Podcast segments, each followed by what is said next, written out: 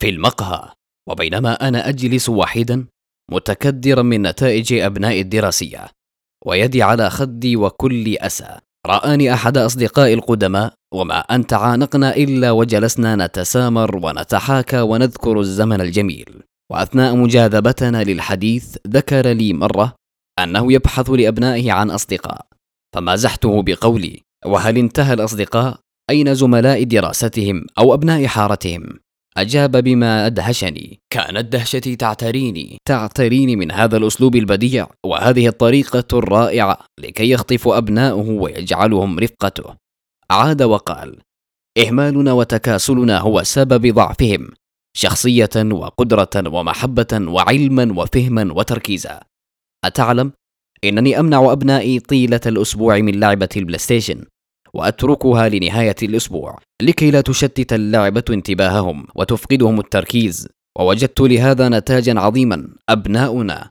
نتركهم لهذه البيئة القذرة التي تحركهم وتكيفهم وتكون قدراتهم. ونرمي بخطأ تركنا لهم للزمن. أين نحن من صحبتهم أو بالأصح مصاحبتهم؟ أين نحن من تنميتهم؟ التنمية الحقيقية. أين نحن من تكوين صداقاتهم؟ لماذا نتركهم يبحثون مثل شختك بختك عن أصدقاء أو شلة وكأنه الحظ؟ نظرت ارضا وأنا أجيبه بقولي فعلا فعلا. عاد ونظر إلي نظرة متفائلة وكأني أرى النصر في عينيه وقال يا صديقي أتعلم ما هو جدولي مع أبنائي؟ وكيف نجحت معهم وتغيرت حياتي تماما؟ رددت عليه بعينين مفتوحتين وتركيز عال وهمة وتعلق. ماذا فعلت؟ نظر إلى السماء وأسرد وكأنه يقرأ الإجابة من أعلى السحب ولم يكن ينتظر إجابتي. أدخلتهم ليحفظوا القرآن الكريم يومين اسبوعيا ويومين أخرى سجلتهم في لعبة من ألعاب الدفاع عن النفس. واليومين الباقية ما بين أصدقائنا ومناسباتنا. وهكذا. لا أنكر أني انجذبت تماما لحديثه الجميل حينما أكمل. أتعلم؟ لقد سجلتهم في إجازة الصيف في دورة اللغة الإنجليزية وكانت مفيدة لهم لحد كبير. وكانت هذه نصيحة أحد مدراء الشركات عندما وجد إنجليزيتي ضعيفة ونصحني بتعلم أبنائي لكي لا أكرر خطئي فيهم. ونجحت بفضل الله. وعندما علمت أن أحد أبنائي يحب التصوير وله رغبة قوية في الإخراج أدخلته دورة مصغرة واستفاد منها حتى أنه بدأ ينشغل بالتصوير وأنواع الكاميرات والأجهزة مما يدعوني لأن أدخله مستقبلا دورة متقدمة. وابنتي هي الأخرى. وجدت دورة للطبخ والتفصيل وبعض الأعمال والحرف اليدوية. وها هي الآن تعمل منفردة ويأتي إليها زبائنها من كل مكان. هنا استوقفته وقد بدت علي علامات القلق.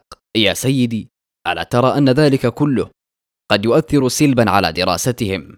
أجاب بيقين وفي عينيه لمعة وبريق الواثق. صديقي أنت تنمي في داخلهم شعلة تحفزهم بها وتجعلها طعما تستخدمه فيما بعد. لتقوية دروسهم وفي كل الأحوال ما أفعله خيرا من صداقة ما لا أعرف. ومتى ما احتك العقل وكبر بالمفيد متى ظهرت تلك النتائج المبهرة في كل المستويات. ولكي أريحك. هناك تحسن ملحوظ وكبير في نتائجهم الدراسية.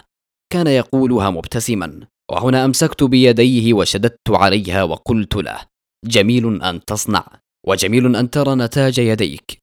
والأجمل عندما تكون هذه الصناعة صناعة جيل كامل. أبناؤنا ما بين أن نجعل منهم كنوز للمستقبل أساطير يخلد ذكرهم أو دمار أو كارثة أو وبال علينا ووباء نهضت من مكاني فجأة وقال لي إلى أين؟ لم ينتهي حديثنا. أجبته على الفور إلى أبنائي يا صديقي. سأطبق جدولك. وهنا غادرت مسرعا. سائلا الله عز وجل التوفيق في تربيتهم. مقال في المقهى. بقلم الكاتب حمزة عصام بصنوي. إلقاء صهيب الأشموري.